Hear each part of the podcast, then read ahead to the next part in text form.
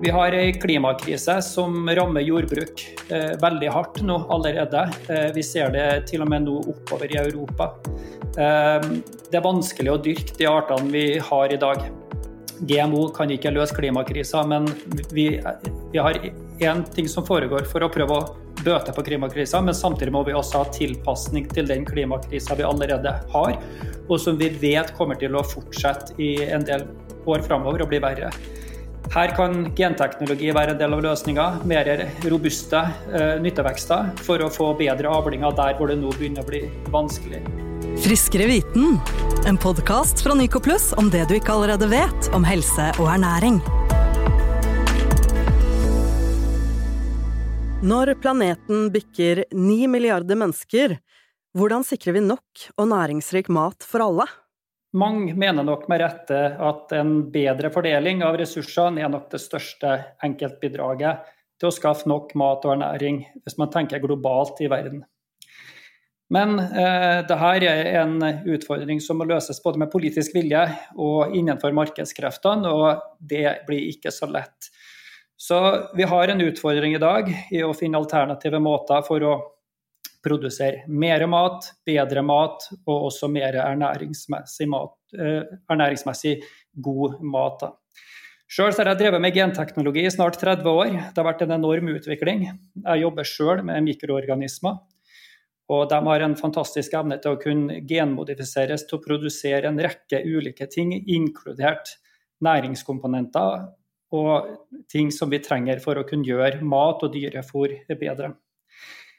Jeg tror at genmodifisert mat vil være én del av løsninga for å kunne besørge um, og skaffe nok mat til alle framover. Én del av løsninga, ikke løsninga alene.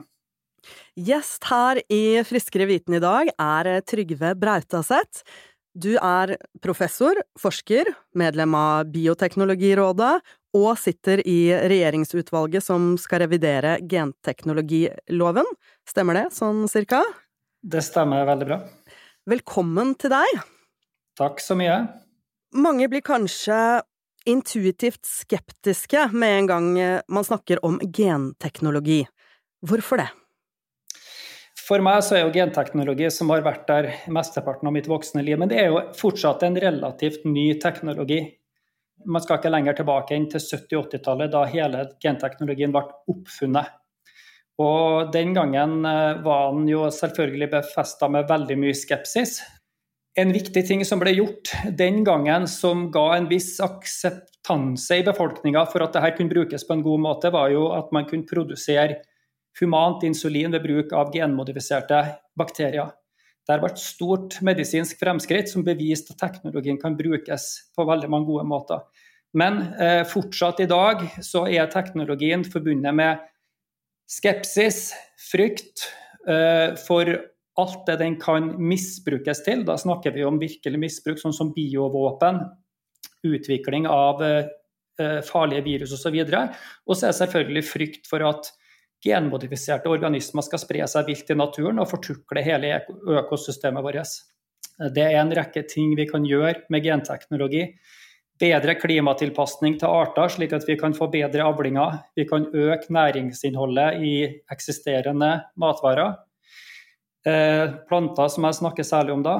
Eh, vi kan eh, bekjempe sykdom i, i nyttevekster på en bedre måte. Og vi har også noen eksempler på at man faktisk kan dyrke kjøtt, syntetisk kjøtt, som et alternativ til kjøttproduksjon ved bruk av dyr. Dette er bærekraftig, eh, og det her tror jeg vil være en del av fremtida.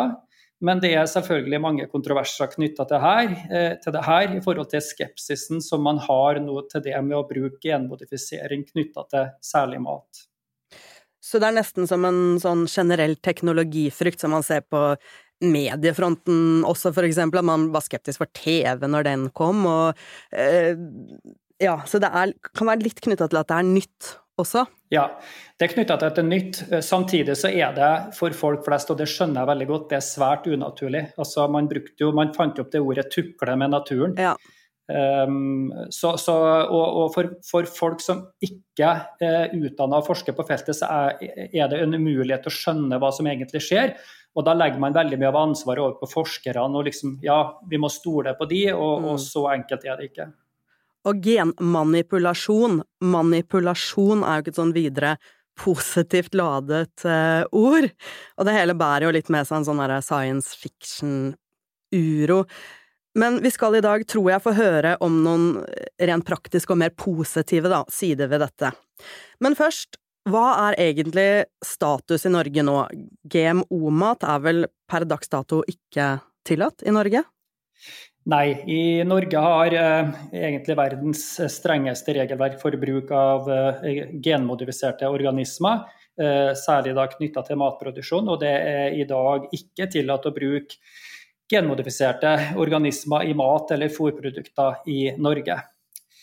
Eh, så, og, og, den norske genteknologiloven som vi nå sitter i disse tider og ser på, om den eventuelt skal oppgraderes i forhold til den utviklinga som har skjedd, den eh, er litt spesiell. fordi at I tillegg til å vurdere risiko for helse og miljø, så har man i Norge et særkrav om at GMO skal også vurderes ut fra samfunnsnytte, bærekraft og etikk.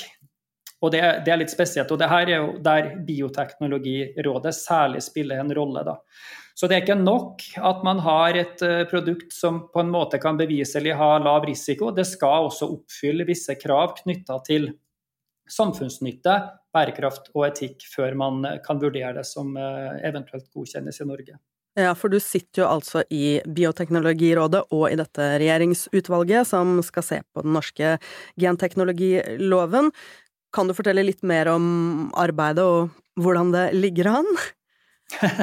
ja, du snakker om det regjeringsutvalget på genteknologiloven, ja. Ja, um, ja altså det her var en komité som ble nedsatt for ja, det begynner vel å bli et og et halvt år siden. Eh, jeg ble spurt om å være med den. Den er relativt bredt sammensatt. Så det sitter ikke bare sånne som meg, som er forskere innenfor genteknologi, men det sitter også der jurister og etikere og filosofer for å ha et, et bredt sammensatt team.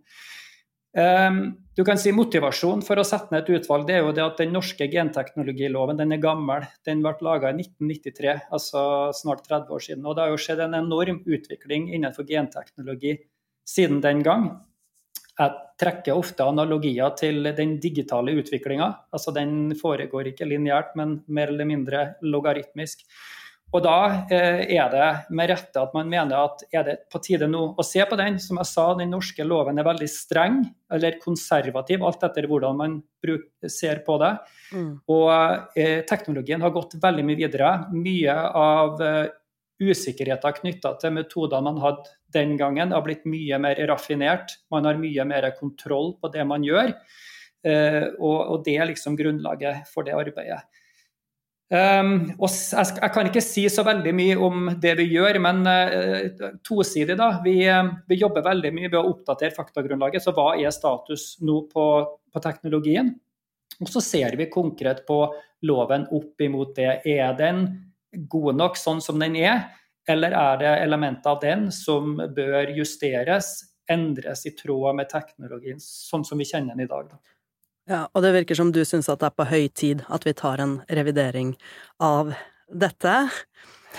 Ja, jeg kan si jeg syns det er på høy tid, men samtidig så vil jeg ikke forskuttere hva vi lander ned på. Nei. Fordi at det er veldig åpent, faktisk. Fordi det er mange betraktninger som skal tas. Men at ja. det er på høy tid, ja.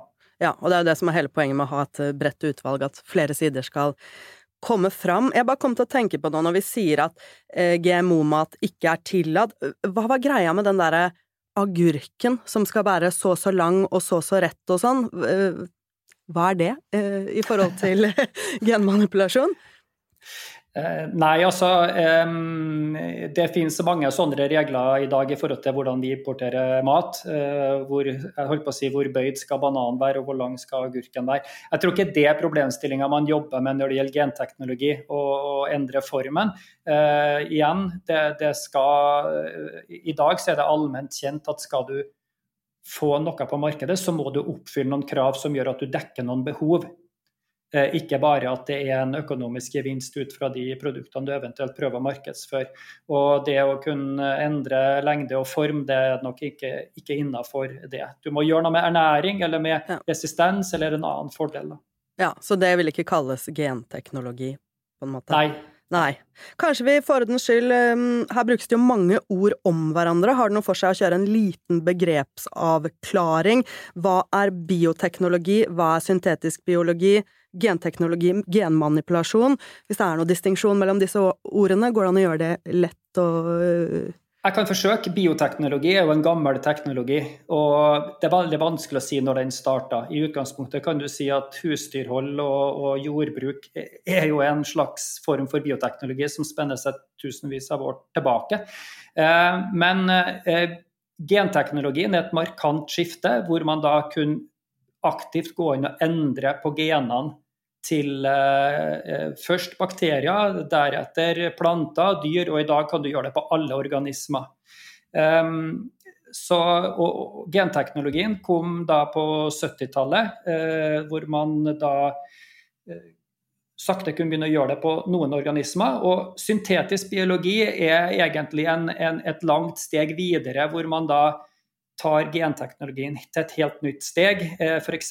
har man i dag klart å fremstille fullstendig syntetiske bakterier på laboratoriet. Dvs. Si man skriver kromosomet på en computer, lager det kjemisk og får da fram levende liv basert på fullstendig design og syntese. Samme kan man gjøre med, med virus. Jeg vil si at uh, Syntetisk biologi kom som en teknologi rundt 2005-2010. Og hva, hva, det neste blir og hva det skal kalles, det kan vi bare gjette oss til, men utviklinga går svært raskt. Så her handler det rett og slett om nivåer, da, at det er nivå 1, nivå 2, nivå 3 um, ja, det, i, ut, i utviklinga? Det, det, gjør det. Altså i Eh, man kunne lage en syntetisk bakterie i 2009. I dag kan man kjemisk framstille eh, komplette menneskekromosomer. Så, så utviklinga går, eh, går veldig raskt. Ok. Mat må vi ha, men dagens matproduksjon står for en veldig stor del av verdens klimagassutslipp, nærmest en tredjedel. Det sier seg selv at det ikke er bærekraftig. Vi har jo også, som vi pleier, med oss eh, Åse Andresen i dag. Du er klinisk ernæringsfysiolog i Nycoplus. Du kan selvfølgelig mye om mat. Hva tenker du at hver og en av oss kan gjøre for å bidra til et mer bærekraftig kosthold? Hvis vi kan starte med Eat Lancet-rapporten, som uh, konkluderte med at det er mulig å fø verdens befolkning på 10 milliarder mennesker i 2050, uh, med tre hovedtiltak. Det ene er forbedring i matproduksjon, og det kan jo selvfølgelig være det, dagens tema, uh, genteknologi, men det er ikke noe vi som privatpersoner kan gjøre noe med. Men de to andre tiltakene er å redusere matsvinn og å endre kostholdet betraktelig. Hvis vi starter med matsvinn, da. Bare i Norge så kastes det 450 000 tonn i året. Halvparten er, eh, er fra privathusholdningen, så ca. 45 kilo i året. Verdien av dette er per år tilsvarende tre operabygg. Så én ting er det økonomiske, det andre er jo, med tanke på bærekraft, at vi kaster så mye mat. Og det er jo egentlig noe alle og enhver kan gjøre noe med. Eh, ved å planlegge bedre, handle, eh, kjøre på med handlelister, kanskje bruke matkasser, eh, ikke alltid kaste ting når det har gått ut på dato. Ikke sant? Se, lukt, smak. Jeg var på et foredrag i går hvor jeg hørte om melketesting. Da var det et panel som hadde testa melk i 45 dager etter utløpsdatoen. Den var fortsatt helt fin. Og La meg bare skyte inn at kanskje økte matvarepriser er det som endelig kan få folk til å tenke litt mer på matsvinn. Ja, eh, det er jo et annet aspekt. Eh, at vi kan ikke bare ta alt ansvaret selv, for veldig mye Og da kommer jeg over på det siste punktet, ja. som er kostholdsendringer, egentlig. At uh, veldig mange av de valgene vi tar uh, i butikken, det er ubevisste valg. Mm. Og her er det jo eh, det samarbeidet med industrien, matvarebutikkene, som er viktig. Plassering, posisjonering, merking. Eh, kjempeviktig. Og pris, som du nevnte. Men eh, Eat Lancet-rapporten de ser jo selvfølgelig på det globale inntaket, og konkluderte med at vi må faktisk doble inntaket av frukt, grønt, nøtter og belgvekster, og halvere inntaket av rødt kjøtt og sukker Sukkervarer, eh, tomme kalorier, det er heller ikke bærekraftig. Det gir ingen næringsstoffer, eh, bare eh, tomme kalorier. Og så må jo disse kostholdsendringene selvfølgelig tilpasses lokalt. Og jeg syns det er veldig spennende nå at det jobbes med Det er mange eksperter som jobber med nye nordiske ernæringsanbefalinger. Og for første gang så skal bærekraft bli med i kostrådene. Så de kommer forhåpentligvis før eh, sommeren 2023. De er litt utsatt fordi nemlig bærekraft er så, så, stort tema. Men det jobbes det veldig mye med nå, så det blir veldig spennende å se hva, hva de nordiske myndighetene kommer opp med, og de norske kostrådene blir da basert på disse nordiske. Mm. Eh, men jeg kan jo nevne også at Nasjonalt råd for ernæring i 2017 de gjorde en vurdering av dagens kostråd opp mot bærekraft. Eh, og de fant jo at det er stort samsvar mellom det å spise sunt og det å spise bærekraftig. Mm. Så, ikke sant? Og, og, problemet i dag er jo at det er så stort gap mellom det vi faktisk spiser og det som er rådene. Så jeg tenker i tillegg til å redusere matsvinn, så kan alle begynne med seg selv og spise litt mer frukt og grønnsaker, gjerne sesongbasert og lokalprodusert, men jeg tenker det viktigste er å bare ha fokus på generelt å spise mer frukt, grønt, bær, og ikke minst nøtter, veldig bærekraftig. Vi skal også lage en episode om selvdyrking og det å komme i gang med en egen kjøkkenhage, og det kan jo også være relevant i forhold til dette, men er det nok at vi kutter på kjøtt og spiser mer plantebasert for å løse problemet og redusere matsvinn, da? Trenger vi egentlig genteknologi for å få nok og næringsrik mat til alle i fremtiden, i tillegg til dette? Ja, altså som jeg starta med. Jeg, jeg, tror at eh, vi må ha flere løsninger på den fremtida vi ser. Det som Åse sier, er jeg helt enig i. Men samtidig, hvis alle begynner å spise sunt og sånt, det er en, det er en veldig fin tanke. Men eh, folk er folk. Vi røyker og vi drikker og vi orker ikke å trimme, selv om vi vet at det der er, er, er sunt og, og, bra. Så jeg tror at vi trenger flere samtidige løsninger. Og det er i det perspektivet at jeg tror GMO kan være en av løsningene. Um, vi har en klimakrise som rammer jordbruk eh, veldig hardt nå allerede. Eh, vi ser det til og med nå oppover i Europa. Eh, det er vanskelig å dyrke de artene vi har i dag. GMO kan ikke løse klimakrisa, men vi, vi har én ting som foregår for å prøve å bøte på klimakrisa, men samtidig må vi også ha tilpasning til den klimakrisa vi allerede har, og som vi vet kommer til å fortsette i en del år framover og bli verre. Her kan genteknologi være en del av løsninga. Mer robuste uh, nyttevekster for å få bedre avlinger der hvor det nå begynner å bli vanskelig. Og så har du det med at du kan øke uh, ernæringsinnholdet i eksisterende uh, matplanter og du kan bekjempe sykdom. Og det finnes også andre eh, konkrete eksempler på hvor man kan lage et eksempel fra USA som har fått mye oppmerksomhet. Man har utvikla en genmodifisert bakterie som går inn i en slags symbiose med korn. Uh, hvor den da kan besørge det som kalles nitrogenfiksering fra atmosfæren, som er helt avgjørende for vekst, og som noe man normalt besørger med kunstgjødsel som også da er et, et miljøperspektiv på det her. Så, så jeg tror at eh, ja, fordeling av ressurser, mindre matsvinn, alt det der er en kjempeviktig ting. Og jeg, jeg tror også at ut fra politisk styring og det som skjer nå med priser sånn, så vil det skje dramatiske ting der framover. Det er jeg helt sikker på, i positiv forstand. Men jeg tror vi må ha flere alternative løsninger på det som nå kommer, knytta til mangel på, på, mat, og ikke minst da ernæringsriktig mat. Ja, Så det er, ikke, det er ikke hele løsningen, men det er et sentralt bidrag? Et sentralt um, bidrag.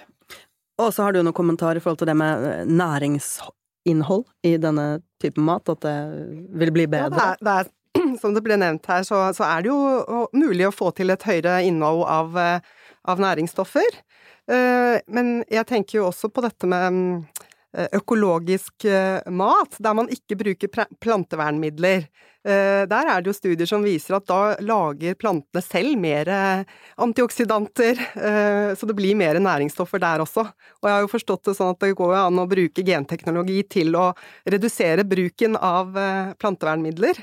Og da vil jo kanskje det indirekte påvirke næringsinnholdet. For eksempel mer C-vitamin, E-vitamin, beta-karoten og, og, også flere mineraler, faktisk. Eh, så det er jo mange aspekter her. Ja, Trygve, du nevnte jo også i forhold til sykdom og dette eksempelet med insulin. Uh, for vi ønsker jo som regel ny teknologi velkommen hvis det er snakk om en kur mot kreft, liksom. Um, og det er jo egentlig åpenbart at vi bør kunne ta i bruk smart teknologi for å løse dette problemet også, at matproduksjon forurenser, ikke er bærekraftig, og at vi ikke har nok mat til alle. Samtidig så blir ikke jeg helt kvitt følelsen av å skulle leve i et sånn her fremtidsscenario, Blade Runner-style, og jeg hører litt sånn Barna regnbuen, Lillebjørn Nilsen, vi kan vel ikke leve av plast og syntetisk mat? Åse, hvilke bilder får du opp når vi snakker om dette, og hva er du villig til å spise i framtida? Ja, nå har jo jeg faktisk spist uh, vegetarisk siden 90-tallet. Eh, så det er jo ganske bærekraftig i seg selv. Uh, så jeg, jeg, liker jo litt tanken på det du nevnte med syntetisk kjøtt. det kunne jeg nok gjerne ha testa. Eh, men jeg vet ikke om en, eh, en sånn eh, insektbasert burger hadde vært noe for meg. Så, men, men jeg, jeg, jeg, følger jo spent med på utviklingen av f.eks. vegetarmat, og det er jo en debatt i seg selv, det, da, med ultraprosessert mat. Og sant, sånn vegansk ost f.eks. er ikke nødvendigvis like næringsrik som det alternativet, den originalen. Så, så sånn ernæringsmessig så er det veldig viktig å holde tunga rett i munnen her. Eh, det er ikke alltid sånn at eh, plantebasert f.eks. for eksempel er sunnere. Så bærekraft, det Man tenker ofte bare liksom klimautslipp, men det handler jo også om en sunn livsstil, altså for å ta, ta, vare på befolkningen. Det hjelper ikke å ende opp med et usunt kosthold, og, som kanskje reduserer levealderen til befolkningen. Ja, det, er... det er ikke mye bærekraftig. Nei. Jeg kan skyte inn det der. Altså, um, du har helt rett. Altså, kjøtt blir jo i dag veldig sånn prata ned. Men det er viktig å poengtere at det, det, er ut fra et miljøperspektiv og ikke ernæring. Eh, veldig stor del av verdens befolkning mangler proteinrik mat, og da er det jo kjøtt som er kanskje hovedkomponenten av mangler. Det har vært gjort undersøkelser i litt i den vestlige verden på den, det man kaller generasjon millennium, altså de litt unge, i forhold til det med hva de, eh, hva de ønsker seg av mat. og Veldig mange der er jo likeens som deg også, skeptiske til å spise kjøtt ut fra et miljøperspektiv. Og så ble de spurt om hva med syntetisk kjøtt som er dyrka på laboratoriet. Ja, det er greit. så, så, det er, det er det, som er så, så, syntetisk kjøtt har fått mye oppmerksomhet. Problemet er at det er veldig vanskelig å skalere opp. Man kan lage det i dag, men eh, utfordringa er å få skalert det opp, slik at man kan lage tilstrekkelig mye av det, og til en, en, en, en pris som gjør at det har en eller annen plass å gjøre på markedet. Men, eh, men det er absolutt en spennende eh, teknologi. Og så tenker jeg med eh, protein, det er jo Det kan man jo også få i seg f.eks. fra soya, som er like fullverdig protein som protein fra animalske matvarer. Ja. Og istedenfor å bruke soya til å fòre opp kyrne og mm. spise kjøttet, så er det mer bærekraftig å spise det direkte. Mm. Så, og det igjen, Eat Lancet-rapporten eh, peker på eh, behovet for å øke inntak av belgvekster. Mm. Og det er jo noe vi kan dyrke i Norge også. Åkerbønner, for eksempel. Også for å nevne, insekt, du var inne på det. Jeg har også trøbbel med å spise insekt, jeg har prøvd, og det, det, er et eller annet eh, med det som er problematisk. Men insekt, altså hovedmotivasjonen for å ta i bruk insekt, det er jo nettopp protein. Så det er en fantastisk kilde til protein som også kan dyrkes, avles og det kan uh, drives uh, kommersielt. Da. Så insekt kan muligens være en, en stor del av løsninga i, i framtida. Ja, og så er det jo forskjell på det å ta en sånn derre bille på gata i Bangkok for å tøffe seg, og det å kanskje lage et eller annet av det. Det er jo ekkelt å tenke på at du spiser en nyfødt babygris også, hvis du begynner å tenke på det, på en måte. Um, ja. Men Trygve, syntetisk kjøtt, kan du dele noe rart som du eller kolleger har eh, forsket fram på matfronten? Noe kuriost? Jeg har ikke forska fram noe rart på, på matfronten sjøl, men jeg, jeg, jeg hadde et, et, litt artig eksempel knytta til det med syntetisk biologi og mat. Jeg var på en litt snodig konferanse for litt siden som samla forskere innenfor syntetisk biologi og kunstnere. Kunstnere som da hadde syntetisk biologi som hva skal vi si, tematisk nedslagsfelt. Og så så jeg ettertid at en av de kunstnerne som var De lager da animerte ting med kunst. Eh, en, eh, en, kunstner derifra han hadde fått et prosjekt som heter for eh, syntetisk living food, altså syntetisk levende mat. Og, og det her er jo ikke veldig bærekraftig, men jeg syns det er litt interessant. For hele poenget her det er å kunne lage, ved bruk av syntetisk biologi, mat som opptrer som om den er levende. Den beveger seg. Og det kan, være, eh, det kan være vegetabilsk mat som står og svaier i vinen når den ligger på tallerkenen. Og det var også et eksempel her på at man lager da uh, fisk og hav, altså mat fra, fra, havet som beveger seg på tallerkenen som om den er levende. Og Ideen er ikke helt science fiction, at den har grobunn i at forskere i USA har faktisk klart å framstille en syntetisk levende manet ved bruk av uh, hjerteceller, som jo er en, en, en form for muskelcelle. Uh, og uh, jeg har sett videoer av det, det er ganske fornøyelig. det her er jo kanskje bare et sånn estetisk nyvinning for å få nye Michelin-stjerner på de beste restaurantene. Og man jobber også med kan den bevegelsen være med å øke smaksopplevelsen når man har fått den immun. Det høres for meg litt rart ut, for det er jo kanskje når man ikke ønsker seg at maten skal bevege seg. Men, det, høres, det høres ja. litt rart ut for meg også. ja. Eh, vet du hvor man kan se eller sjekke ut mer om det kunstprosjektet? Det fenga for meg. Det finnes, eh, det, fin, det finnes på nettet, eh, gjør det. Og det finnes også animerte videoer av det, og også videoer av den der syntetiske maneten som ligger på asjetten og pulserer da, som en levende manet, men som da er en syntetisk fremstilt manet, som kan spises. Eh, fra disse litt eh, morsomme tingene Det er jo også deprimerende tema, mye av dette. Det er jo en så omfattende problematikk. Fordi alt henger sammen med alt. Storpolitikk, penger, eh, makt, fattigdom, som du nevnte i starten. Bør vi bekymre oss for fremtiden? Eller har dere som jobber med dette, koll på å løse utfordringene? Tror du det kommer til å ende godt? Hm. Har du noe håp? Ja. Ja, altså det må man ha. Det er et stort spørsmål, da. Men en, ting som jeg har sett uh, det, Dette med genteknologi, det har jo en generell stor skepsis. Og hvis du går til f.eks. i Norge, som vi lever i sjøl, så, så, er det genmodifisert mat. Det er ingen i Norge som trenger genmodifisert mat. Og Da kan man bruke føre-var-prinsippet og si at så lenge det finnes et flik av risiko, så kan vi like godt la det være, for vi har ikke behov for det. Det bildet tror jeg, tror jeg kan endre seg i framtida.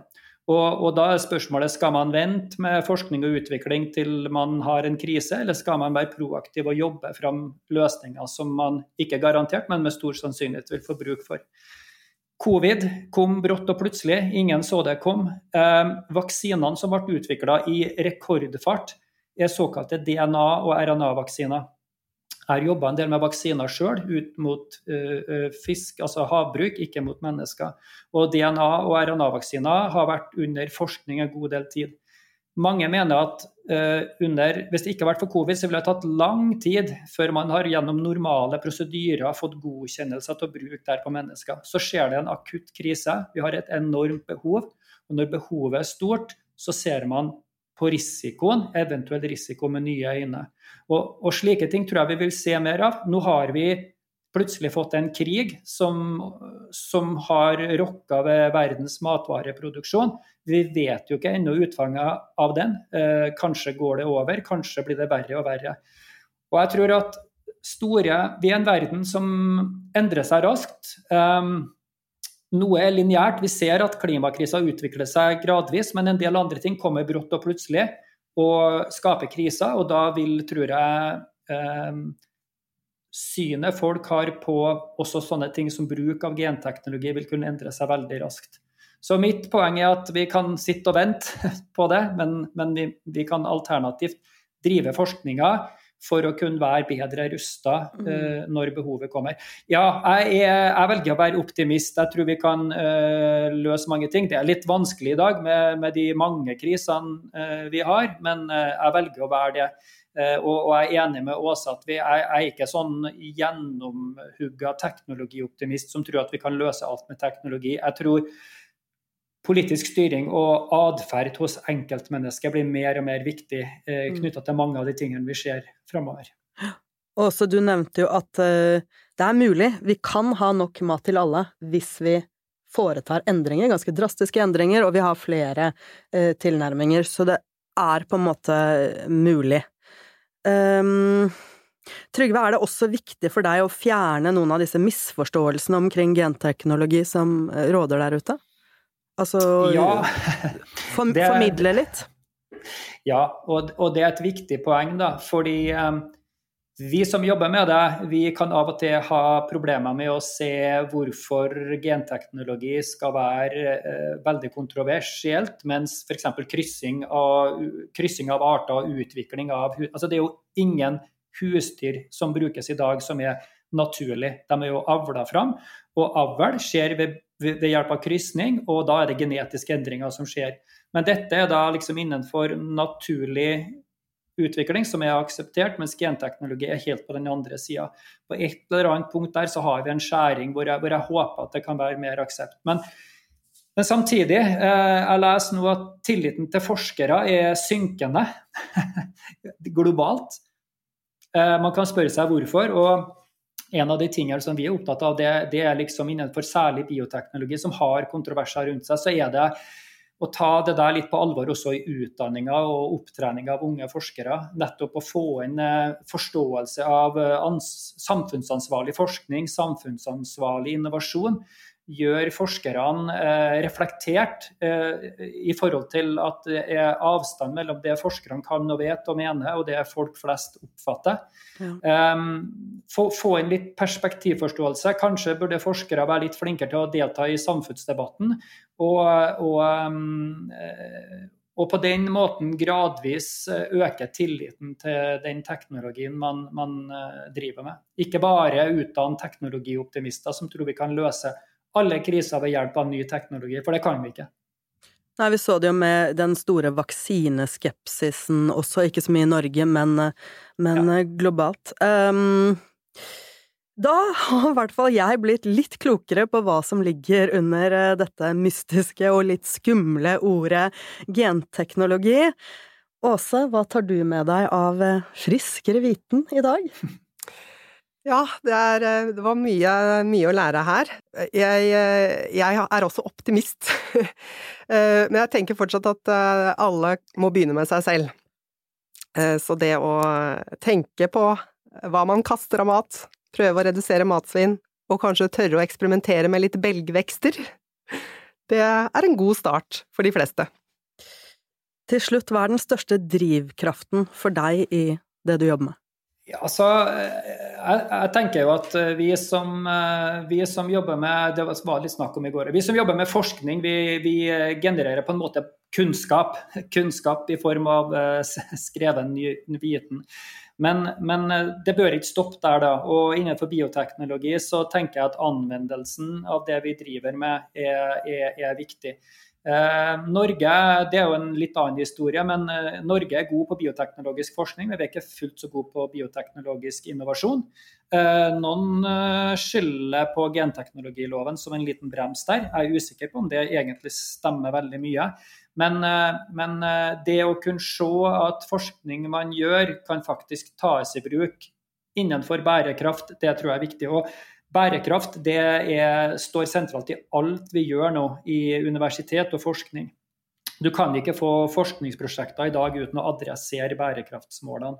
Så, så, så jeg tror at det er ansvarlighet knytta til bioteknologiforskere og genteknologiforskere, at man ønsker å bidra til kunnskap som så kan tas videre til anvendelser i en eller annen god retning. Da. Om det er mat, fôr, eller om det er medisin eller, eller andre, eh, andre viktige områder. Mm. Dette har vært utrolig interessant, og litt komplisert, jeg må la det synke litt inn. Men det er uansett godt å tenke på at det finnes eh, forskere som Trygve på NTNU og rundt om i hele verden som jobber for å bidra til å løse morgendagens utfordringer, og gir et håp om mat også i framtida.